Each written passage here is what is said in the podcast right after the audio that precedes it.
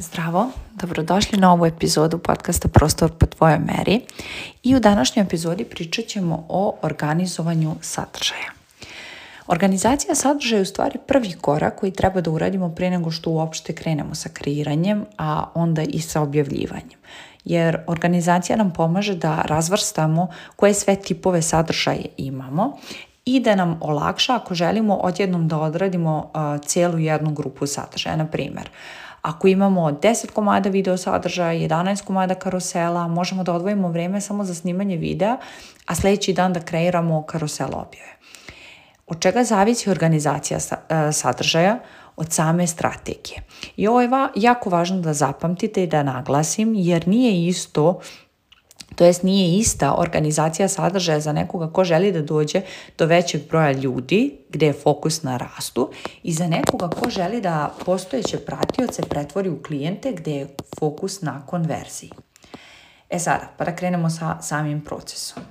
Prva stavka je u stvari inspiracija. Zašto je ovo jako bitno?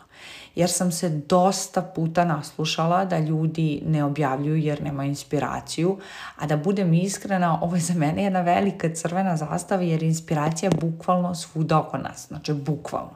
Ono što ovdje pravi problem je sam stav. Instagram nije portfolio i vi zapravo treba da dozvolite ljudima da vas upoznaju treba da, na primjer, okačite neki citat ili vaš stav, da objavite sliku ili video sa terena, da predstavite svoj tim, Toliko je stvari koje možete i koje treba da, da objavite, pogotovo ako ste na početku, jer ljudi žele da vas upoznaju. I sada imajte na umu da sve ove objave možda i vi već kačite na storije, ali storije prolazan. Znači, bukvalno storije će po, proći prosto 24 sata i svi ljudi koji dođu nakon toga neće vidjeti da ste vi sve to objavljivali, a vi ćete imati utisak kao da ste vi, vi već sve to rekli, pokazali, i svašta nešto. I sad ovdje imamo još jedan stav koji sam čula od svojih kolega, a to je kao nema ja tu šta da pokazujem, upoznaće nas na sastanku. Pa hoće vas upoznati na sastanku, naravno, ukoliko se odluče na saradnju s vama. Ali, ovo je baš veliko ali.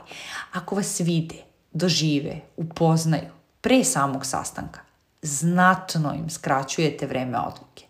Jer, na primjer, ako sve ovo ne radite i oni dođu na sastanak, oni će tražiti vreme da nakon tog sastanka, jer su vas tek prvi put vidjeli u životu i čuli vam glas i, i bukvalno su vidjeli neke vaše stavove, a samim tim i neku energiju su vašu osjetili, njima će trebati vreme da odluče da li žele saradnju s vama ili ne.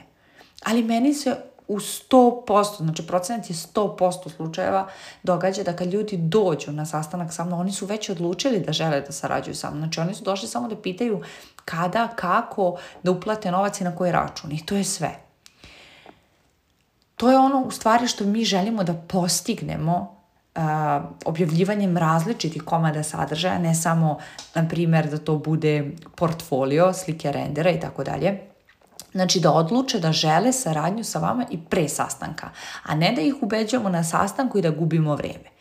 E sad, što se tiče same inspiracije, ja je nalazim na svakom koraku. Kad idem da biram boje, gipsane lajsne, kad mi majstor ili klijenti šalju slike sa terena, kada završim projekat, kako pakujem sam projekat, slike mojih rendera, možda da objasnim neki tehnički crtež, obavezno, obavezno moje slike. Što se tiče različitih tema, ja stalno pišem u note s telefona na papirićima, znači bukvalno gdje god da stignem, ja zapisujem šta god da me klijenti pitaju, šta god da me ljudi koji me prate pitaju, nije mi jasno, meni pa neka tema, čujem nešto zanimljivo. Znači, bukvalno uvijek i svugdje piše. Sljedeća stvar koja je na redu nakon inspiracije jeste samo planiranje. E sada, koliko e, kojih komada sadržaja mi treba za naredni mjesec ili više njih? Šta ću da objavljujem da dođem do određenog cilja?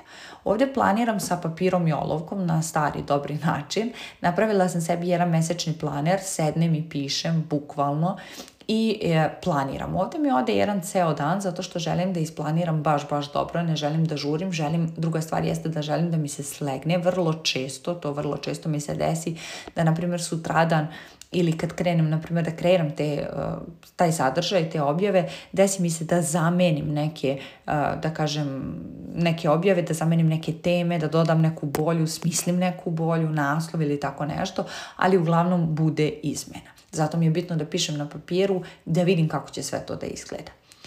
I Pos, sljedeći korak jeste da kreiramo sadržaj. Kad sam ga isplanirala, odvojim nekoliko dana da kreiram sve slike i video snimke jer to nikad ne radimo jednom. Ovo meni ne oduzima previše vremena jer, na primjer, slike sa terena koristim neobrađene za uh, karosel ili neke dizajnirane slike za, na primjer, kao što su citati ili tako dalje. Imam svoj Canva template koji, koristim trenutno i koji je u okviru mog brandinga i e, sve onda ide brzo. Zato je celokupna priča oko brandinga jako bitna jer vam zapravo štedi vrijeme, a vašem idealnom klijentu ste uvijek na, pa, na pameti ili na pameti. Posljednji korak koji se ovdje, da kažem, koji je u toku ovog procesa jeste samo zakazivanje objava. Ovdje ništa ne radim ručno i to odavno. Istoriju i objave na zidu sam zakazala i sve ide kao podmazano bez mog prisustva. Sve objave planiram estetski i zakazujem u aplikaciji Later koju plaćam na mesečnom nivou. Meni je ovo uštedilo mnogo, mnogo, mnogo vremena, a najveći benefit mi je što mi telefon nije non stop u ruci i ovo je veoma važno kada imate decu, a posao on zavisi od telefona kao i meni. I to bi bio ceo proces. I sad, sve ovo što sam podijelila sa vama ima smisla ako ste doneli odluku da ćete stići do cilja koji god je i krenuli ste u akciju. Ali ako ste sve ovo isplanirali, i na kraju niste objavili sadržaj ili ste krenuli pa stali, znajte da je sve to uzaludno. Znači, bukvalno sve što treba da uradite jeste da krenete, da napravite prvi korak, jer bez njega ne možete ni da stignete do rezultata, do cilja. Ono što meni pomaže je da ne razmišljam o tome. Znači, bukvalno objavim, to je zakažem objavu i ne razmišljam da li sam ovo ili ono uradila i šta dalje. Zakazano za mene znači urađeno. I sad, koji je vaš najveći problem sa organizovanjem sadržaja? Ako bi to bilo da ne znate kako da organizujete, evo u ovoj epizodi ste dobili odgovor.